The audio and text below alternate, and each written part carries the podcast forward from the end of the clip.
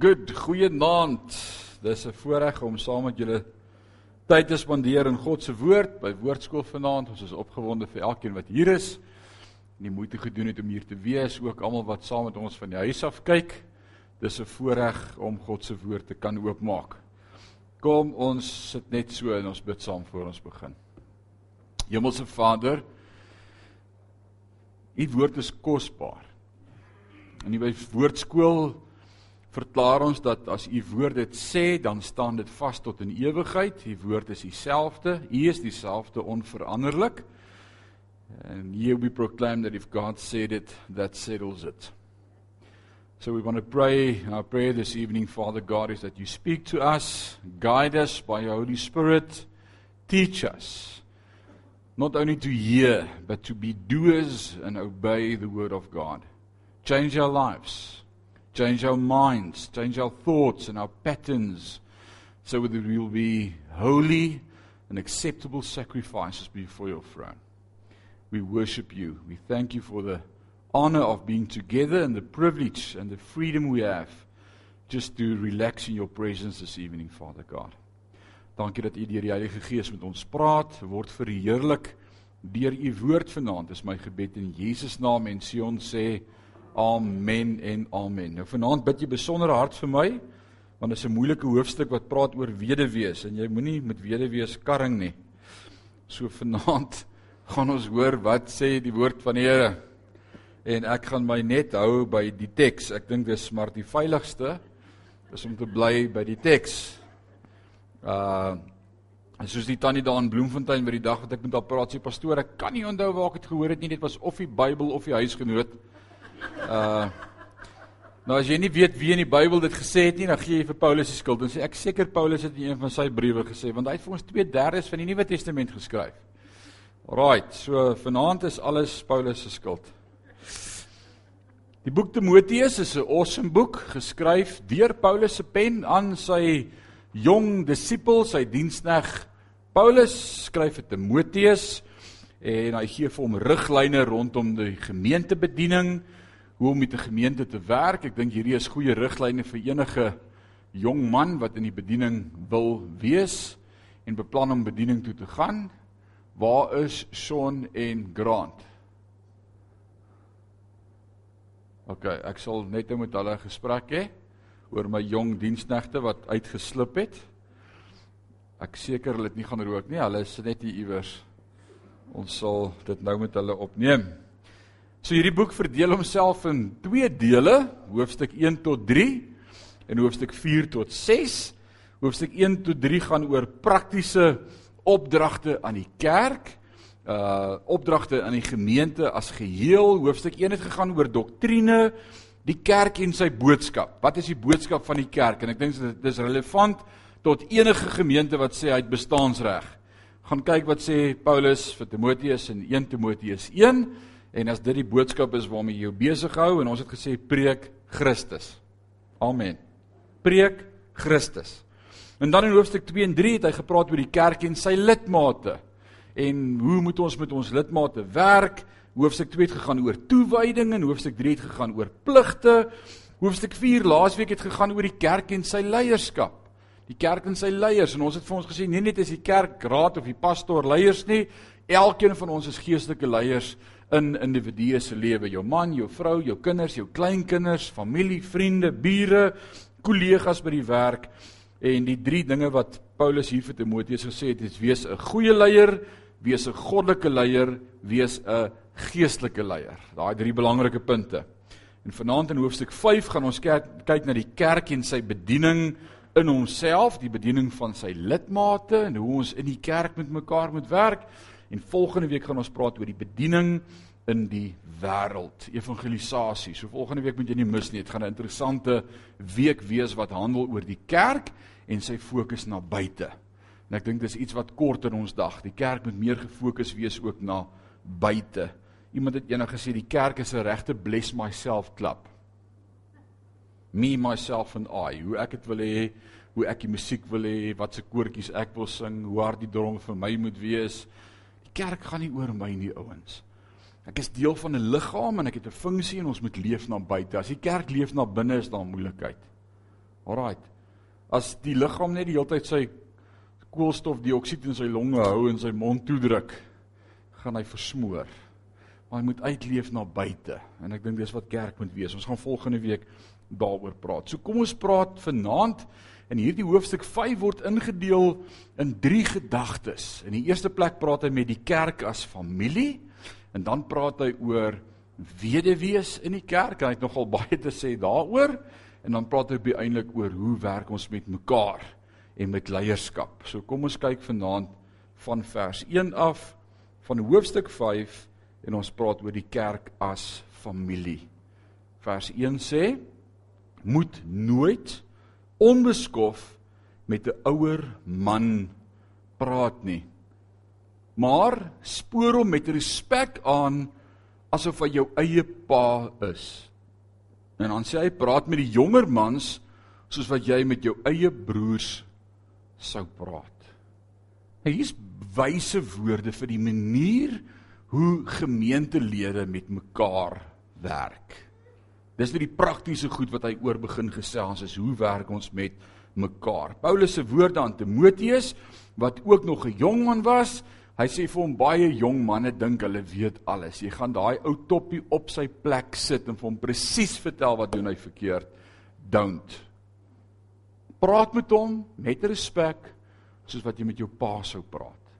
En deurdat jy met hom met respek praat soos wat jy met jou pa sou praat, gaan jy hom wen.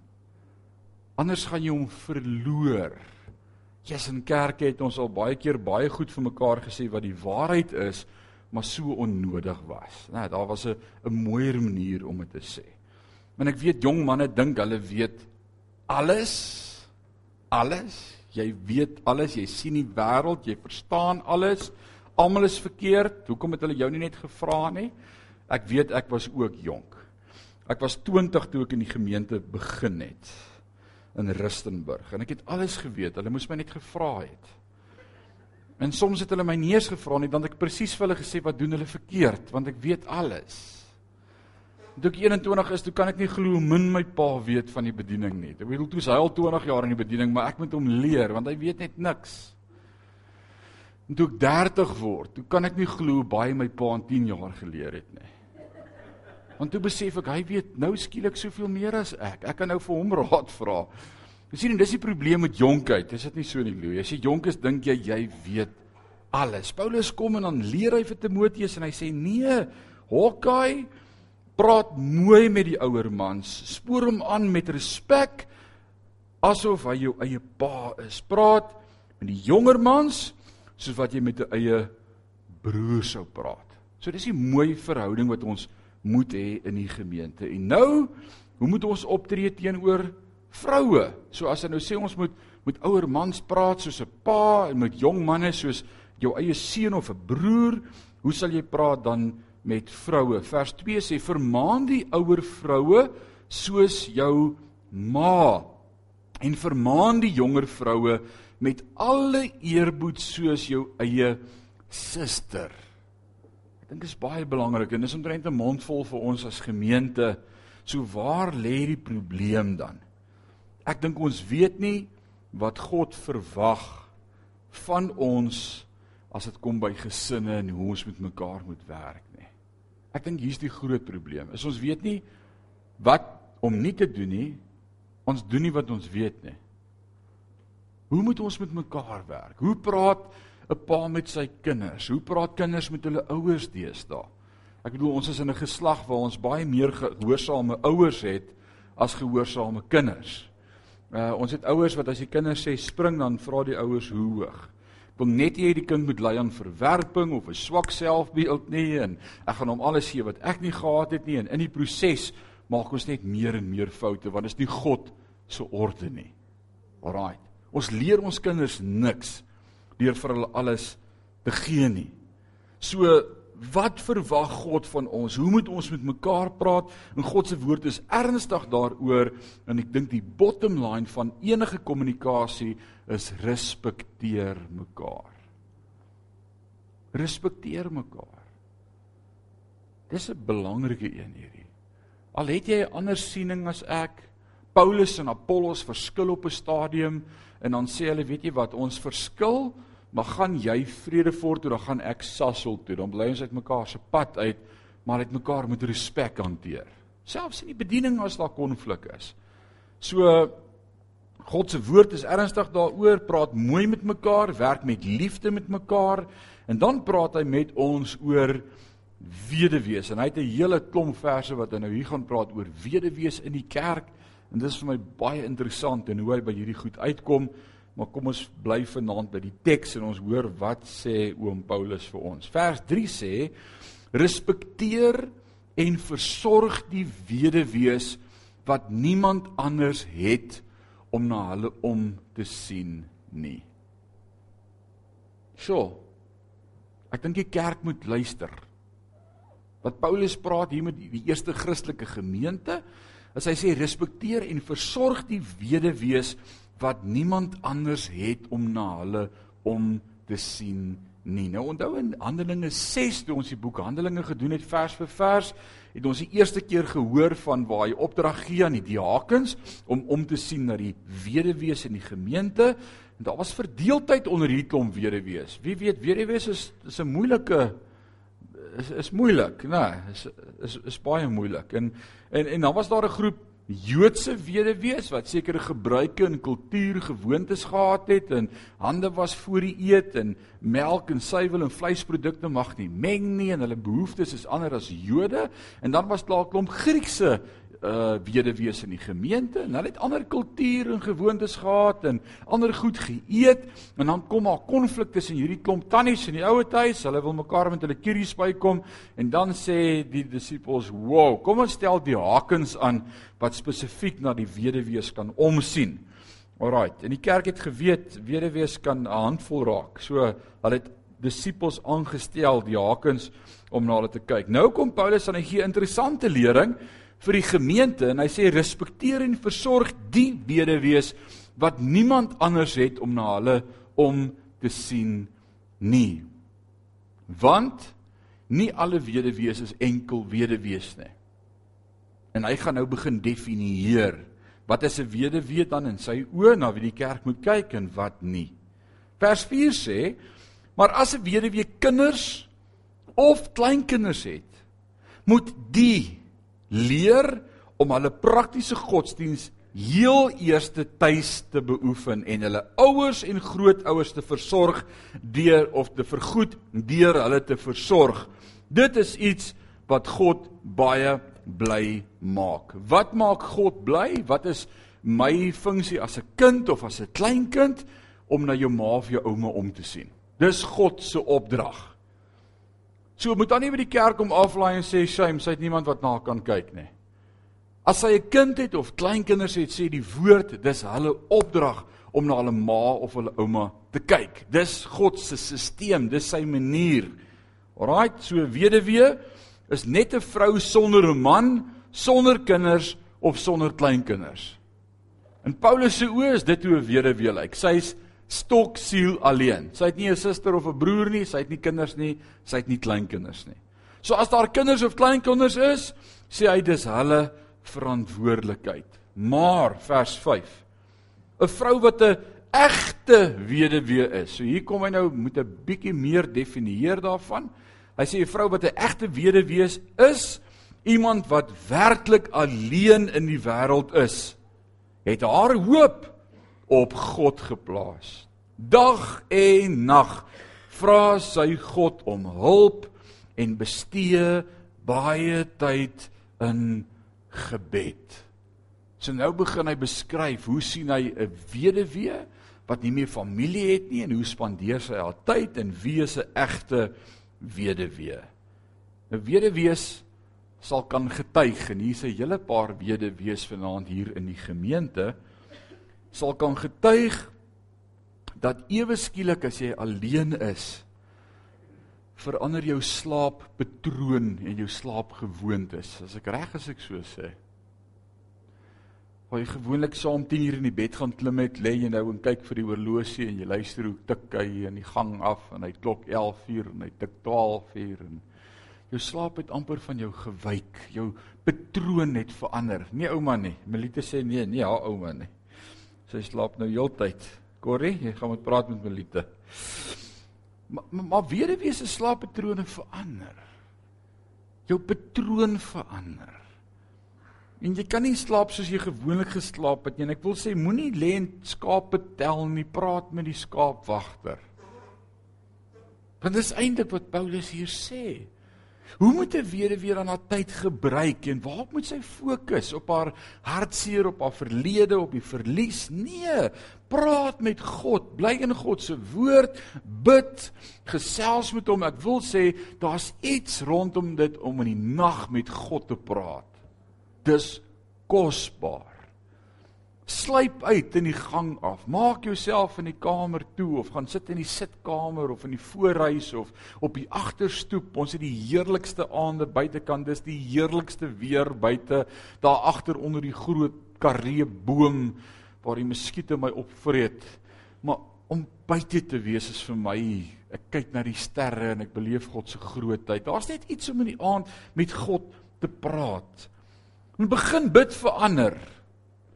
Begin bid vir jou bure en begin bid vir die gesinne in jou familie en begin bid vir kinders en kleinkinders en begin bid vir die gemeente en vir herlewing en vir die pastoor en die leierskap en die dienste en die byeenkomste begin daarvoor te bid. Moenie gaan sit en TV kyk nie, praat met God. In vers 6 sê: "Maar die weduwee wat net vir plesier leef, is geestelik dood." Just like Paulus, moet jy nou regtig aanhou in hierdie rigting beweeg? Wat is 'n weduwee wat net vir plesier leef? So hy sê hier's 'n weduwee wat jy kry wat nie kind of kraai het nie en sy stort haar hart in haar godsdiens uit. Sy soek God dag en nag. Sy praat met die Here. Sy bly amper by die kerk. As jy haar sien en sy hier en sy's besig om te bid en sy sy maak 'n verskil geestelik, maar dan kry jy weduwee wat net vir plesier leef en sy is eintlik geestelik dood. So hy sê eintlik hier as daar 'n ouer dame is wat nie leef vir gebed nie en leef vir God nie, is sy besig om haar tyd te mors en leef sy eintlik vir haarself. En sy kan net sowel dan nie hier wees nie. Want sy's besig om haar tyd te mors. Sy's geestelik dood. En ons sien dit elke dag om ons. Ouer dames van hier by 40, 50 jaar, nee, ek spot. ek spot rarig. Ons sien ouer dames, dis vir my so hartseer. Ek het so 'n wyle gelede toe ons nog bietjie kon ry en net sommer moeg was vir die huis en een aand uitkom wou hê en ek het my familie sommer bietjie stad toe gevat en ons was daar by Monty Casino. En nee, ons dobbel nie. Dis dis 'n pragtige plek met restaurante en sommer net 'n lekker uitkom van die platte land af. Dis iets anders as Kentucky. En ons het gesê kom ons gaan stap net daar op en af. Dit lyk soos Italië. Dit was my voorreg om in 1989 al in Italië te kon besoek af lê. Ons was in Venesië en Rome en 'n paar klein dorpies in in daai plattelandse dorpies. As jy daar in Monte Cassino stap, dan beleef jy daai atmosfeer van Italië. Daai dis net amazing hierdie straatjies en die wasgoed wat oor die straat hang en die markplein. Dis dis beautiful. So ek sê toe vir my gesin, ek vat hulle Italië toe vir die middag en ons gaan toe Monte Cassino toe. Weet jy wat vir my so hartseer is daarvan? Is om te sien hoeveel alleen senior dames by daai masjiene sit en arm druk en trek. Sulke lang sigarette en die glase staan so opgelaai en hulle trek. En dan dink ek alles besig om hulle lewe weg te gooi. En dan en dan lees ek wat Paulus hier vir ons sê in vers 6, dan sê hy maar die weduwee wat net vir plesier leef, net vir partytjies leef, net vir kuiers leef, is geestelik dood. So enkel vroue, weduwees. Paulus sê eintlik wees goddelike vroue en fokus op hom.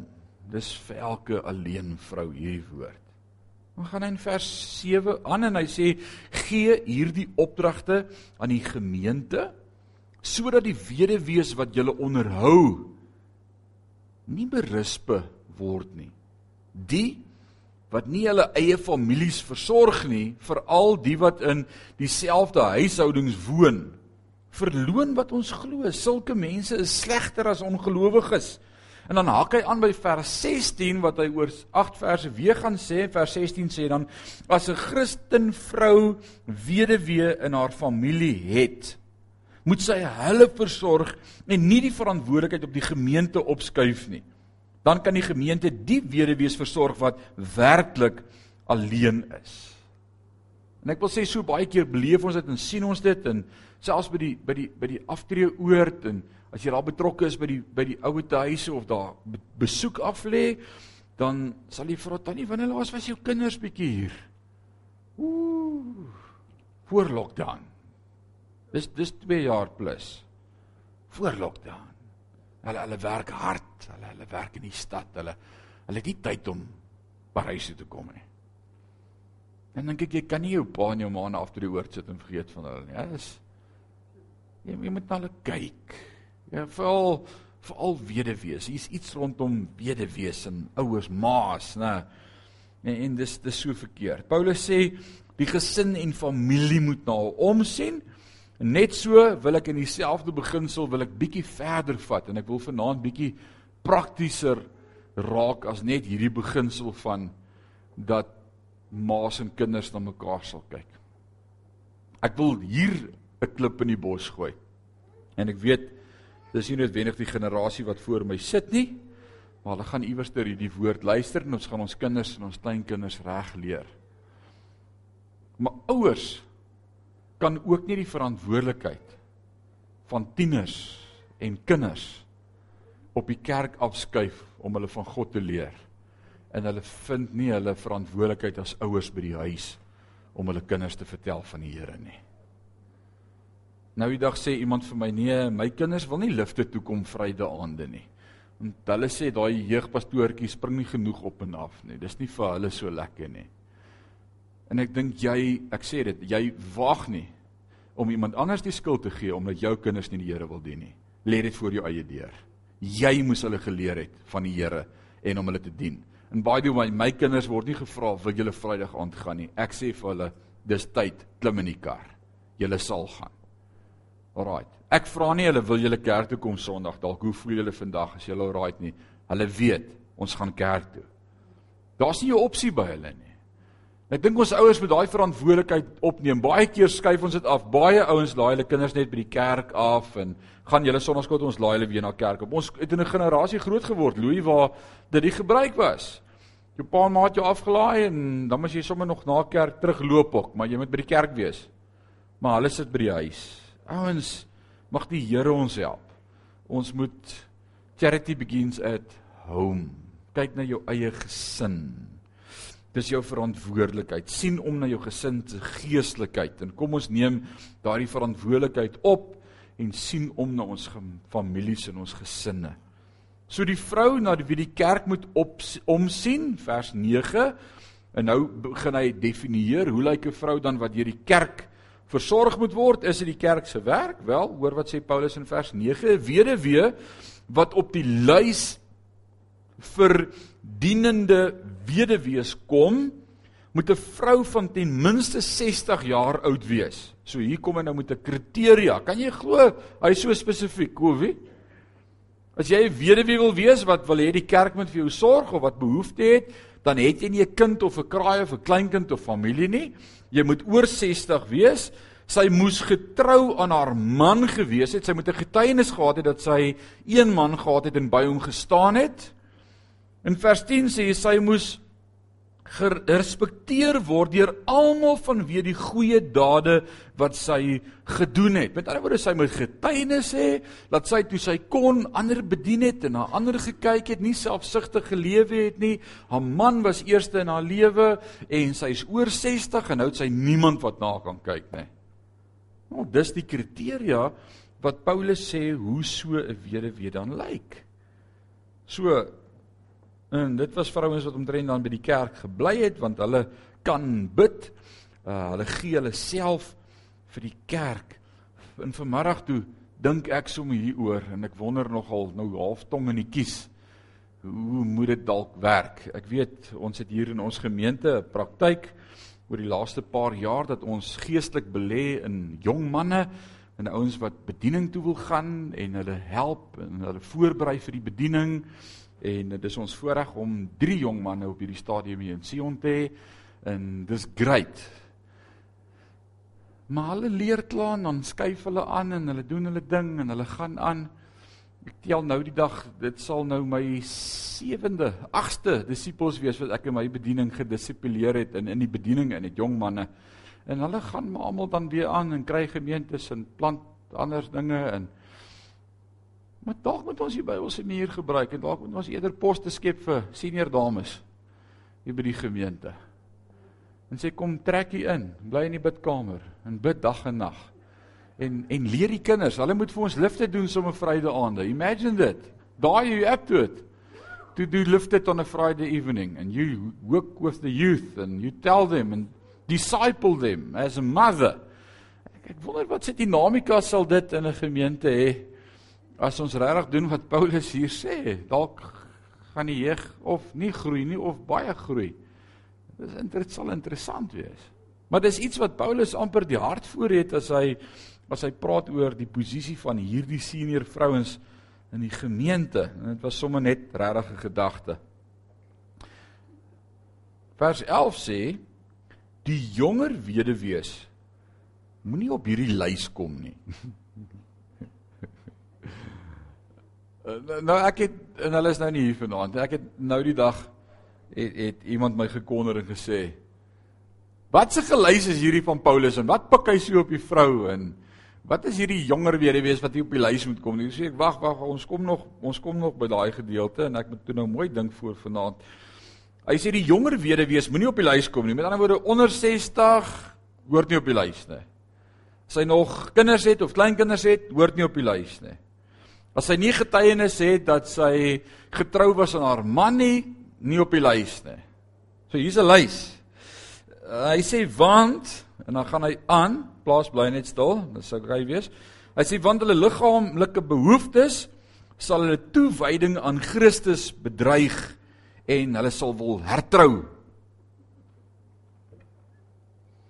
Hulle is nie fyn om mee om 'n weduwee te wees nie. Hulle hulle soek nog man. Hulle kyk nou nog rond en kyk rond vir opportunities en dan sê vers 12 dan sal hulle skuldig wees aan die verbreeking van hulle vorige belofte. En dis 'n interessante mond vol. So hy sê moenie jong vroue in hierdie groep toelaat nie. Hulle gaan net weer en weer wil trou en dan gaan hulle alles omkrap en hulle wil dan as hulle eers weer getroud is, dan gaan hulle dalk dink, "Jog, dalk moet ons nie getrou het nie." En dan gaan hulle weer nuwe getroud wees, nê? En ek sê snaaks nie, maar ek moet sê ek het al 'n paar senior dames getrou en dan net na so rukkie dan sê hulle dit was die grootste fout van my lewe. Kan iemand daarvan getuig? Ek bedoel van familie, nie van jou, jy moet nou nie jouself hier as voordeel gebruik nie, maar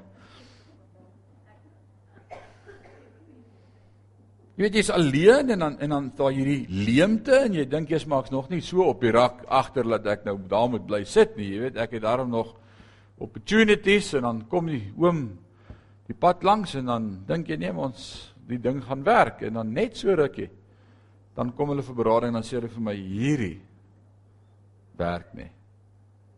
Ek weet van dit van 'n tannie, ek ons gaan hierdie nou moet uitedit maar ek wil dit sê.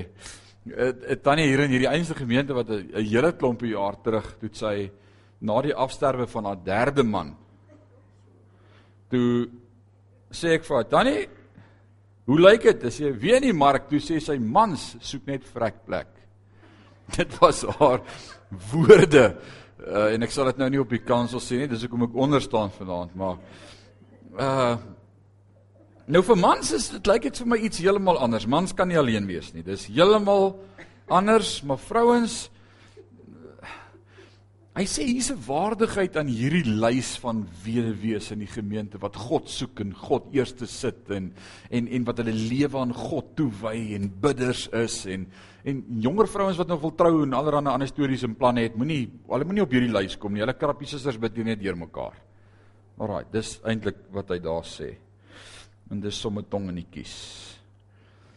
Ehm uh, So as die vroue weer trou, nou kom hy by vers 13 en hy verduidelik dit en dis baie keer die waarheid. Hy sê buitendien word hulle waarskynlik lui, dis nou as hulle weer trou, te jonk is en weer trou. Hy sê buitendien word hulle dan waarskynlik lui en bestee hulle tyd deur van huis tot huis te skinder. Hulle is bemoeid met ander mense se besigheid en hulle praat oor dinge wat kon gebly het. Just like Paulus. En dit klink dit kan dalk reg klink of hy op vrouens spikkie, maar ek dink hier was dalk 'n paar weduwees agter hom aan wat dalk van huis tot huis geskinder het en oor goed gepraat het wat kon bly en hy het nou net genoeg gehad van hierdie boosheid. Onthou ons weet Paulus was 'n getroude man gewees. Hy was deel van die Sanhedrin en dit was een van die vereistes om deel te wees van die Joodse Sanhedrin, die die Hooggeregshof van die Joodse Council. Hy moes 'n getroude man wees.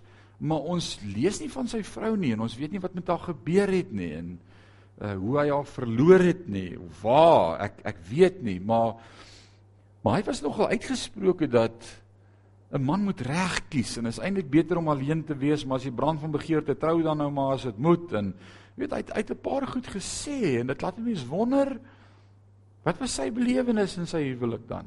Was sy vrou dalk nie gelowige nie dat hy verstaan van 'n gelowige en 'n ongelowige moenie aan dieselfde juk trek nie? Ek ek weet nie. Maar dis alles relevante goed tot vandag se huwelike. En die meeste hartseer kom eintlik omdat ons al starrig is en nie wil hoor wat God se woord sê nie. En as dit gebeur, dan sê ons, "Ess, ek wens ek het geluister." Die meeste hartseer van huweliksberading voor my deesdae is wanneer 'n gelowige en 'n ongelowige saam in die huwelik is. Nee man, dit gaan werk. As ons eers getroud is, gaan my man saam in my kerk toe kom. Hy gaan sy hart vir die Here gee. Hy gaan verander. hy doen nie.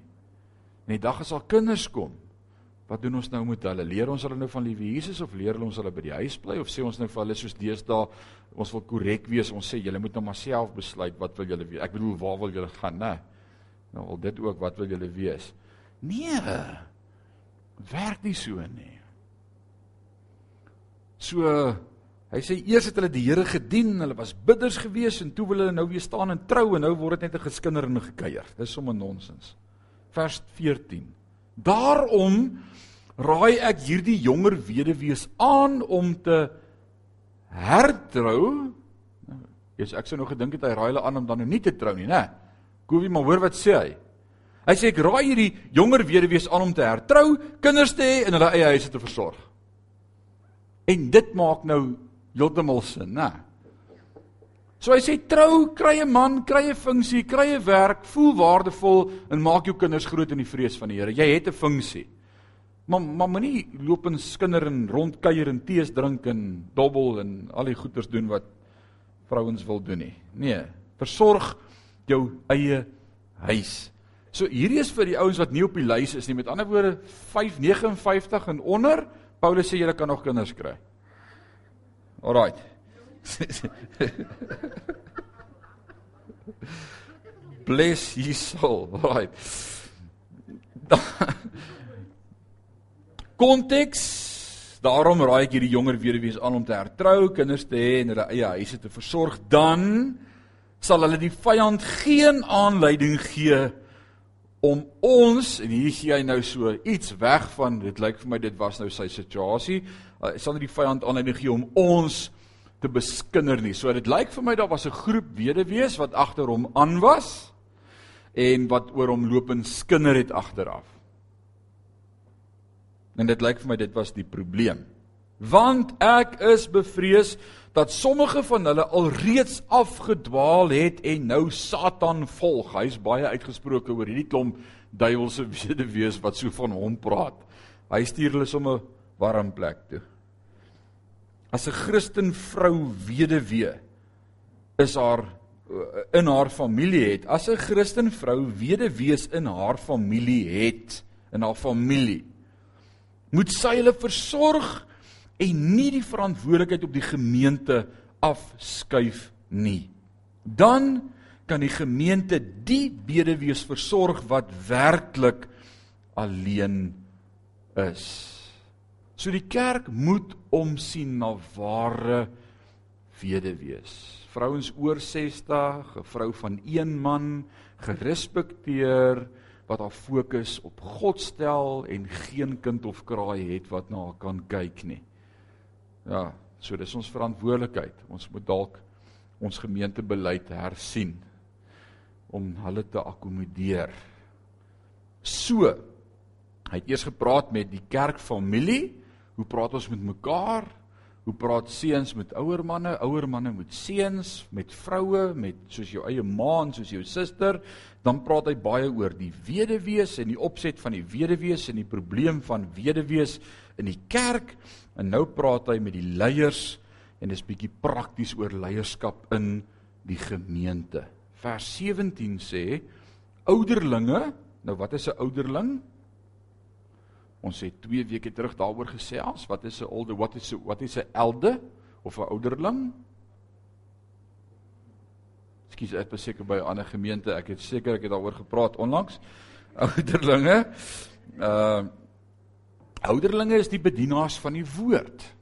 Hulle kyk na die geestelike versorging van die gemeente. So as pastor pas ek ook hier in by ouderling, enige iemand wat die woord verkondig, wat vir siekes die hande oplê, wat voorbring doen, wat lering gee, wat prediking doen. Alraai, dis ouderlinge in die konteks van Paulus en hy sê ouderlinge wat hulle werk goed doen, moet ook goed betaal word, veral die wat hard werk in prediking en lering. Want die skrif sê moenie os verhinder om te eet terwyl hy graan uittrap nie. Dis Deuteronomium 25 wat hy daar aanhaal en hy sê op 'n ander plek sê die woord die wat werk verdien hulle loon en dit was Jesus self in Lukas 10 wat dit vir ons gesê het. So neem kennis iemand wat die os voer, iemand moet die os voer terwyl hy die meel maal verander. Of jy ken iets van beeste en jy het groot geword met beeste, maar daai os wat die werk doen en die meel maal, soos wat in die ou tyd so al in die ronde sou loop met daai arm, nê, wat maal, daai os moet gevoer word. Hy kan nie nie eet nie. So dis nou maar die gedagte wat daar gebruik word en ek weet baie keer in die kerk en as seentjie het ek groot geword in die kerk, my oupa grootjie is in 1932 in 1931 georden as evangelis van die apostoliese geloofsending van Suid-Afrika Kerk, die AGS Kerk in Gesina. En toe my oupa Koert en toe my pa Sandy en ek is die vierde generasie van geordende pastore in die AGS. So ons as familie het nou hierdie jaar 91 jaar se ononderbroke diens in die AGS Kerk. So ek verstaan so iets van die AGS Kerk dink ek. En ons het groot geword met die gedagte Lord, we'll keep him poor, you keep him humble. Alraai. Dis maar die gedagte in die bediening. Die pastoor het die ou karretjie gery en die ja. Paulus sê moenie so wees nie. Vers 19 en hier kom hy met baie interessante praktiese wyse raad. En ek dink die probleem baie keer vir baie moeilikheid wat ons het, is ons luister nie na wat die woord sê nie. So hier kom hy en hy sê vers 19: Moenie na klagtes teen 'n ouderling luister tensy daar 2 of 3 getuies is wat hom aankla nie. Jy kan nie na elke storie luister en elke storie glo nie. So as iemand met jou kom praat oor 'n storie veral teen 'n ouderling, teen 'n leier, en ek wil sê hierdie is praktiese raad teenoor enige kind van God want ons leef in 'n moderne wêreld. Uh die Hebreërs skrywer sê vir ons you are a chosen generation, a royal priesthood, a holy nation, a peculiar people set aside by God. So ons is deel van 'n koningsheerskappy. En as iemand 'n klag teen een ou het, dan sê hy moenie jou steur aan stories nie.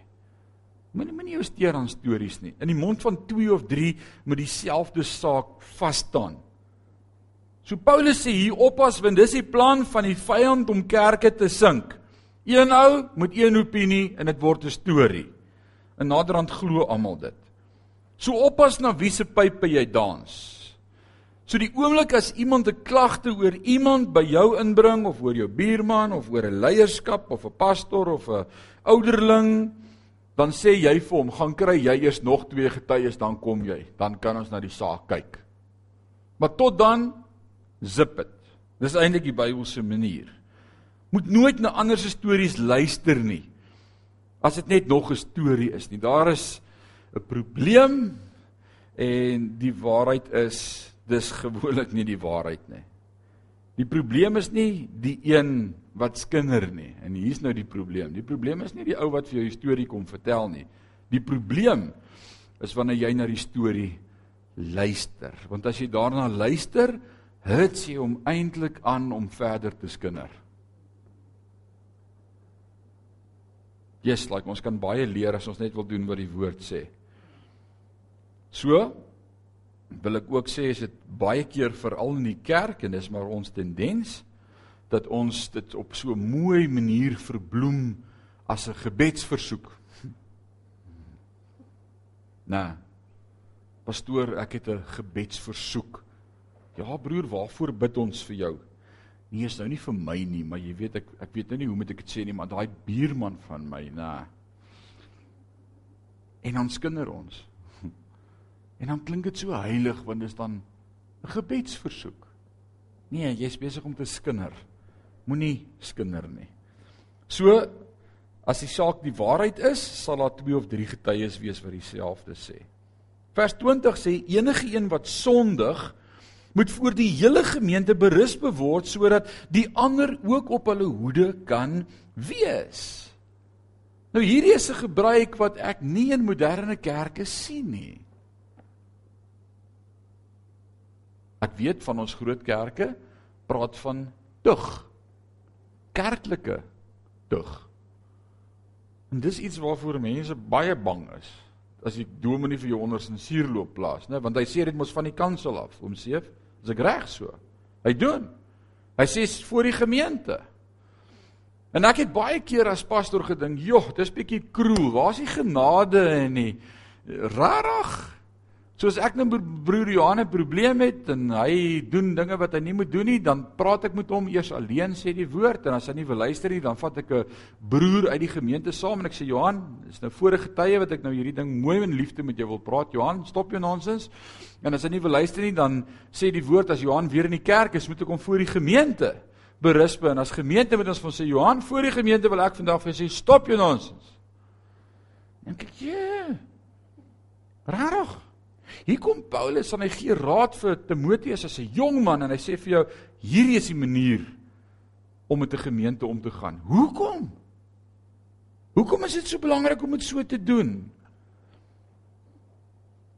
En ons het al ek het al 'n situasie in die bediening gehad van 'n van 'n jong broer wat in 'n buiteegtelike verhouding betrokke geraak het en toe ek met hom gaan praat en hy het vir my gesê nee, maar hy het nou so gebid vir iemand anders want sy vrou is nie meer lief vir hom nie en die Here het nou hierdie getroude vroutjie vir hom op sy pad langs gestuur, maar sy moet daarom net ook eers haar man los en dan dink ek nee, hier is nie die Here nie.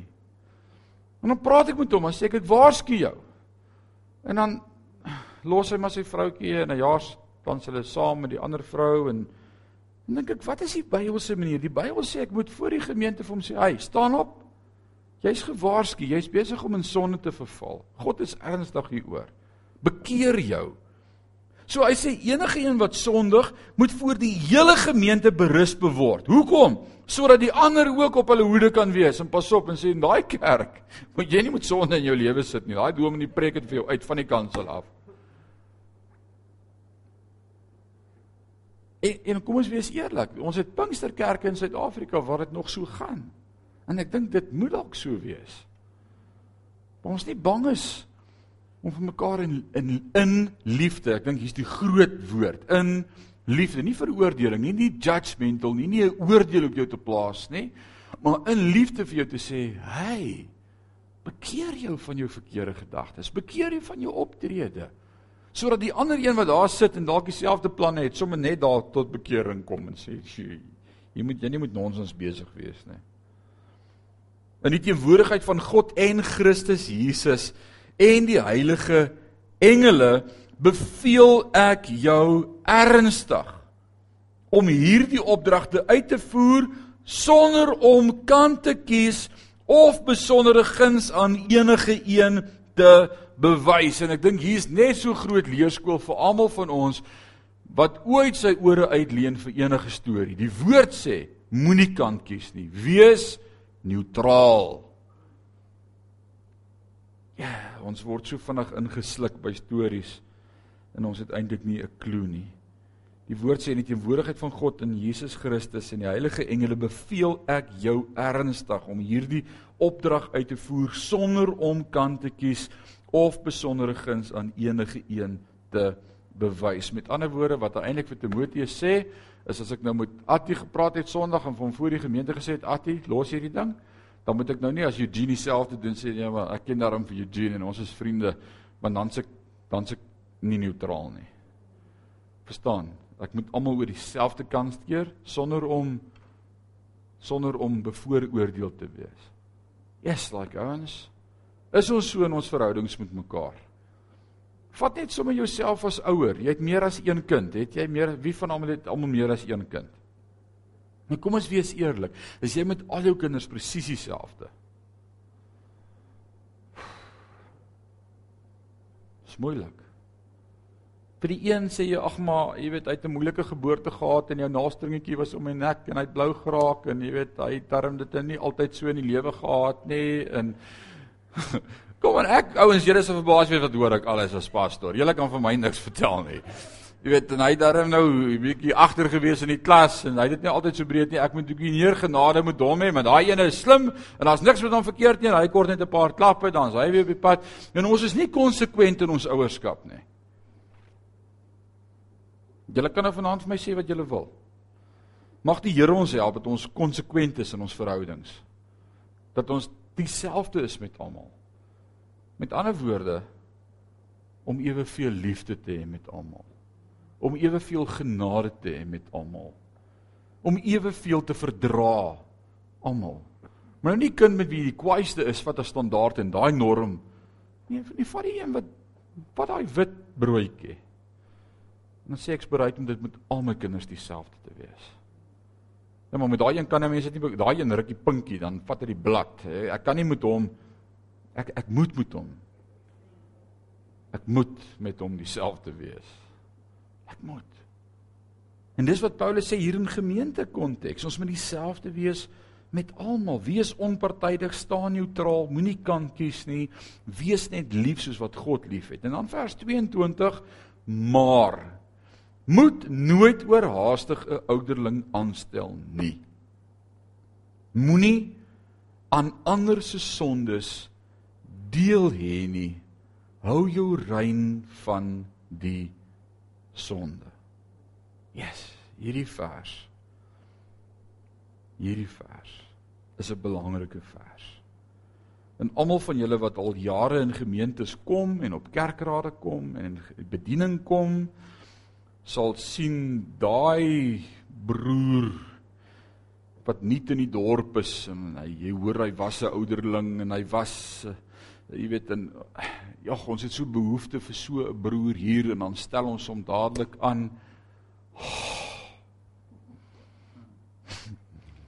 Hoekom het ons nie net vir Paulus geluister nie Hy sê moenie oorhaastig aanstel nie. Ek dink die 33 53 vertaling sê moenie haastig wees om hande op te lê nie. Is dit waar daar staan? Alraai. So so so wat s'ie koneksie in die nuwe lewende vertaling het vir my pragtig korrek verduidelik. As hy sê moenie vinnig wees om hande op te lê nie, met ander woorde moenie die amp op iemand lê wat jy nie sy hart ken en wat hulle pad gestap het saam met die gemeente nie. Jy moet hom 'n bietjie eers roop gegee het en Hy moet homself bewys het as getrou en sy ware klere moet eers uitkom en na vore kom. Hy sê as jy te vinnig so iemand aanstel in 'n amp en jy lê die hande op hom en jy kom agter Dit's 'n raai liedjie van teens Jordan wat gesê het, "Hoekom het jy gesê dis die hemel toe sit al die tyd die hel?" Né? Daai daai scenario afspeel. Hy sê dan het jy bygedra tot die sonde. Want nou kry die gemeente skade. Moenie haastig wees nie. Wees rustig. Met ander woorde gee tyd.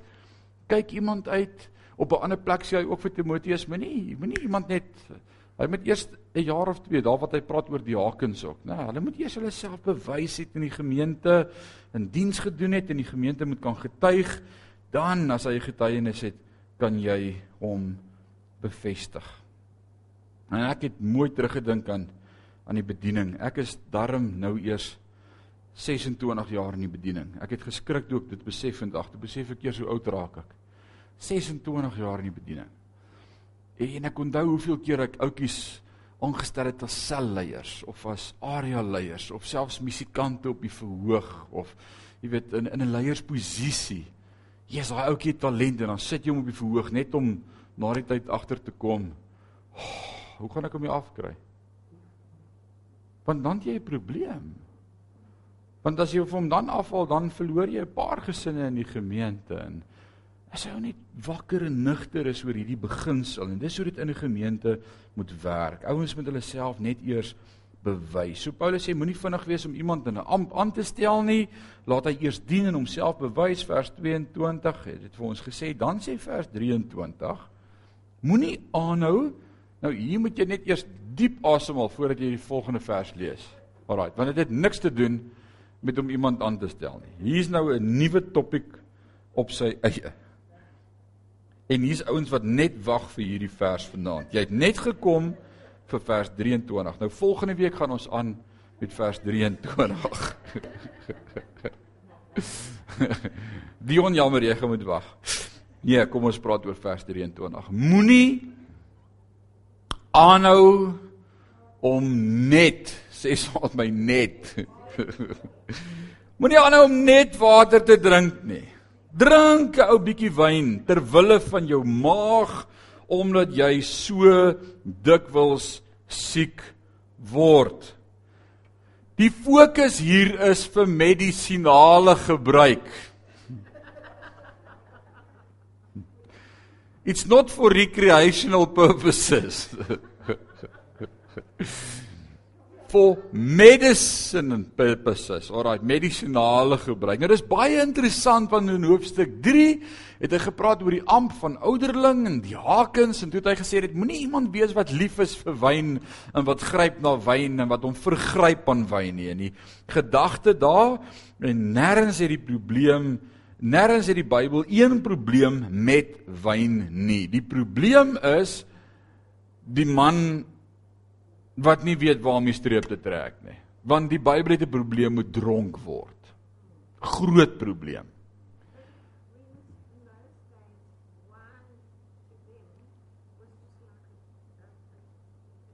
Now you don't come with that nonsense to me tonight. That's not true. no, somebody lied to you. Wyn in daai tyd was nie net druiwesap nie, ouens. Want as dit so was, het daar nie soveel tekste vir ons vertel moenie so gesyp raak nie. Paulus praat aan die gemeente in Korinte in 1 Korintiërs 11. En dan sê hy julle wat hier dronk by die kerk aankom op 'n Sondag. Julle wynsypers. En dan wil julle hier by die kerk om verder syp aan die nagmaal wyn. Nee.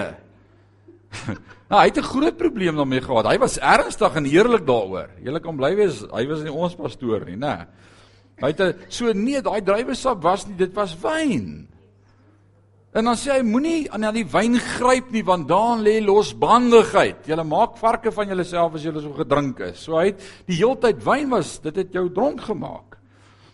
Maar nou kom hy in dieselfde begrip en nou praat hy met Timoteus en nou sê hy interessante ding en dan dink jy dalk weer spreek hy homself nou want hy het net twee weke terug vir Timoteus gesê hierdie ouens wat so na wyn gryp, nou dis Dis nie nice nie. En nou sê hy vir hom, "O oh ja, by the way, moenie moenie net water drink nie. Drink drink maar 'n ou bietjie wyn." En dan baie ouens gebruik daai teks net tot daarom te sê, "sien. As Paulus dit vir Timoteus gesê het, is dit goed vir my ook. Moenie net water drink nie, drink wyn." But that's what he says. He says Moenie aanhou net water drink nie, drink 'n bietjie wyn ter wille. Sê saam met my ter wille. Alraai. So hier's 'n rede hoekom hy vir hom sê drink bietjie wyn ter wille van jou maag omdat jy so dikwels siek word. So Timoteus was 'n man wat gelei het aan sy maag of dit nou krampe of hartlywigheid of wat dit was, weet ek nie, maar hy het 'n probleem gehad met sy maag. En Paulus kom met 'n stukkie wysheid en hy sê vir hom so bietjie wyn. Nou vandag se dokter sou nou seker daar gesê drink bietjie wyn ter wille van jou hart. Ek weet nie. Want dokters raak dit dalk kwyt. Maar dit was nie die kriteria hier nie. En hierdie is nie 'n vrypas om vir jou te sê sien as Paulus dit vir Timoteus sê dan kan ek ook wyn drink nie. Want Timoteus het nie die gedagte in sy kop gehad om dronk te wil word hiervan nie. Hy het geweet waar om die streep te trek. Inteendeel, hy sê vir hom drink 'n bietjie. Dis 'n tot wyn. Net so 'n bietjie vir die maag. Nou hier's baie interessant.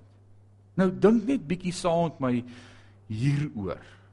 Paulus het bekend gestaan vir sy bediening in die veld van goddelike genesing. Ja, né? So reg Alena.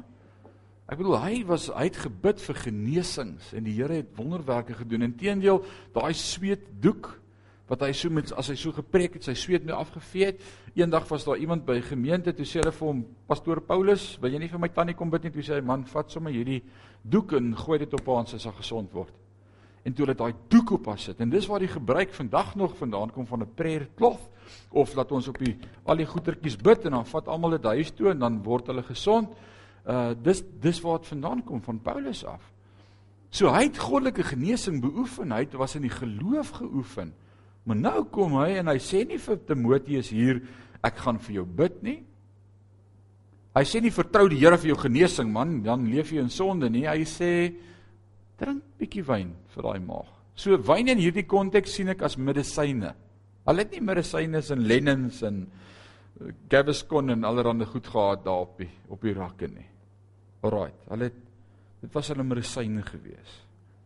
So heel waarskynlik wil ek sê het Paulus al vir Timoteus gebid. En ek wil sê God genees. Genees God kan ons daarvan getuig vanaand?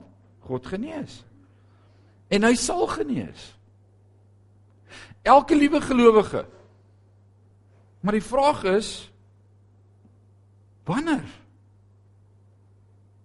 Want elke keer as ek vir iemand bid vir genesing, vertrou ek die Here vir 'n volmaakte genesing. Dalk dadelik, dalk die volgende dag, dalk oor 'n week, dalk oor 'n jaar, dalk as hy in die hemel kom. Maar God genees. Altyd, hy wil genees. Deur sy wonde is daar vir ons genesing. En ek dink Paulus het al vir Timoteus gebid en nou sê vir hom Timoteus, drink maar 'n bietjie wyn. Maar nou kom hy met 'n mooi waarheid en ek wil dit aansluit by wat hy vir Timoteus sê en ek gaan hiermee klaarmaak. Hy sê onthou sommige mense lei openlik sondige lewens en almal weet dat hulle geoordeel sal word. Ander weer se sondes sal eers later aan die lig kom. As jy party se sondes ken jy, o, daai broer, ek weet alles van hom, jong, daai broer. En dan daai ander broer van wie jy niks weet nie. Die Bybel sê hy het ook maar dingetjies wat jy nie van weet nie. Maar moenie laat wat jy weet van mense of nie van hulle weet nie, 'n las op jou lê nie. Hoor wat sê hy in vers 25, net so weet almal hoeveel goed sommige mense doen. Almal weer se goeie dade is minder sigbaar. Vanaand kan jy vir my sê maar ek weet van Johan, Johan bless ouens en hy maak 'n verskil in ouens se lewens en Johan is 'n giver en Johan, Johan is awesome. Maar Atti, ons weet niks van Atti nie. Jy weet niks van Attie nie want hy gee nie geheim. En daarom kan jy nie na iemand kyk en weet wat is sy storie nie. Party se sondes is oop, party se is weggesteek. Party is givers, ander se is weggesteek. Ander se goeie dade is minder sigbaar, maar hulle kan nie verborge bly nie. So wat sê Paulus in hierdie mondvol vir Timoteus? Hy sê Timoteus, moenie jou oë op ander fokus nie. Want wat jy sien is nie altyd wat daar is nie. En moenie 'n las op jouself lê om net water te drink as jy weet bietjie wyn gaan vir jou goed wees nie. Jy het 'n verhouding en 'n saak aan met die Here. Moenie skyn heilig wees nie. maar leef 'n lewe voor God.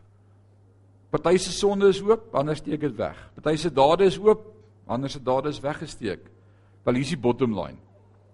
As jy jou lewe daaraan gaan wy om mense te probeer tevrede hou, gaan jy nooit lewe nie. En ek lees 'n rabbi se boek wat hy geskryf het oor hoe om voluit te leef. En hy sê hulle het iemand gehad in hulle gemeenskap as 'n gesiene persoon en elke keer as hy iets wil doen in die gemeenskap, hy as individu, dan dink hy, "Jog, wat gaan die wat gaan die man van my dink as ek dit nou doen of wat gaan die man sê as ek nou so optree of hoe gaan die gemeentelid nou reageer as ek nou vanmôre dit in my preek sê, jy weet." En eendag terwyl hy stil word, toe besef hy hy leef in die broer se gedagtes. Want elke keer beoordeel hy homself na aanleiding van wat die broer sal dink van hom. En hy sê toe besef hy ek wil nie meer in daai ou se kop lewe nie. Want daar's nie baie plek nie. En ek sukkel om te leef. Dit was so bevrydend. Hoeveel van ons leef in ander mense se koppe? Wat gaan hy dink? Wat gaan sy sê? Wat Paulus hier vir Timoteus sê is Timoteus jy het 'n saak aan met God. En hy ken die hart en hy ken die gedagtes. En elkeen gaan eendag voor homself voor God verskyn en rekenskap gee vir sy eie lewe. Don't judge but don't be judged. En ek wil sê net jy kan toelaat dat iemand jou judge. Is dit waar? They can say a lot maar jy kan toelaat of dit iets in jou hart word. En ek wil sê die root van hierdie teks vanaand op die einde is ek ek ek ons kan dit hier inskryf wat Paulus net vir Timoteus sê leef in vryheid. Wees net vry. Right? Moenie sondig nie, maar leef in vryheid. Moenie onder die juk leef van ander mense se opinies nie. Wat sê God van jou? Dis die vraag. Wat sê God van jou? Kom ons bid saam. Great. Hemelse Vader, ons sê vir U dankie vir U woord. U woord het moeilike stukke in en is vir ons moeilik om te verstaan, maar dit is so awesome om te weet dat daar 'n doel en 'n rede is met elke teks in hierdie Bybel en ek moet sê Vader, Hoeveel keer sou ons onsself so baie hartseer gespaar het as ons net wou doen wat u woord sê. U woord is 'n lig vir ons voet en 'n lamp op die pad. En dankie vir u woord. Ek wil bid dat hierdie woord in ons lewe verskil sal maak en nie ledig sal terugkeer nie. En dat ons ons sal steur aan die woord en vanaand wil ek net sommer hierdie las van mense kom afskud van die opinie van mense en wat mense sê en vanaand opnuut weer besef dis net wat u sê wat tel. En voor U is alles openbloot. Vir ons kan mekaar dinge wegsteek, maar U ken die hart, U ken die gedagtes en ons eer U daarvoor. Word ten volle vereer deur ons, deur ons lewe, deur ons optrede, deur ons gedagtes, deur ons praat, deur ons wandel, deur alles wat ons doen, Vader, word verheerlik in en deur ons. Is ons gebed in Jesus naam en sê ons sê amen en amen. Volgende week 1 Timoteus 6 gaan in vrede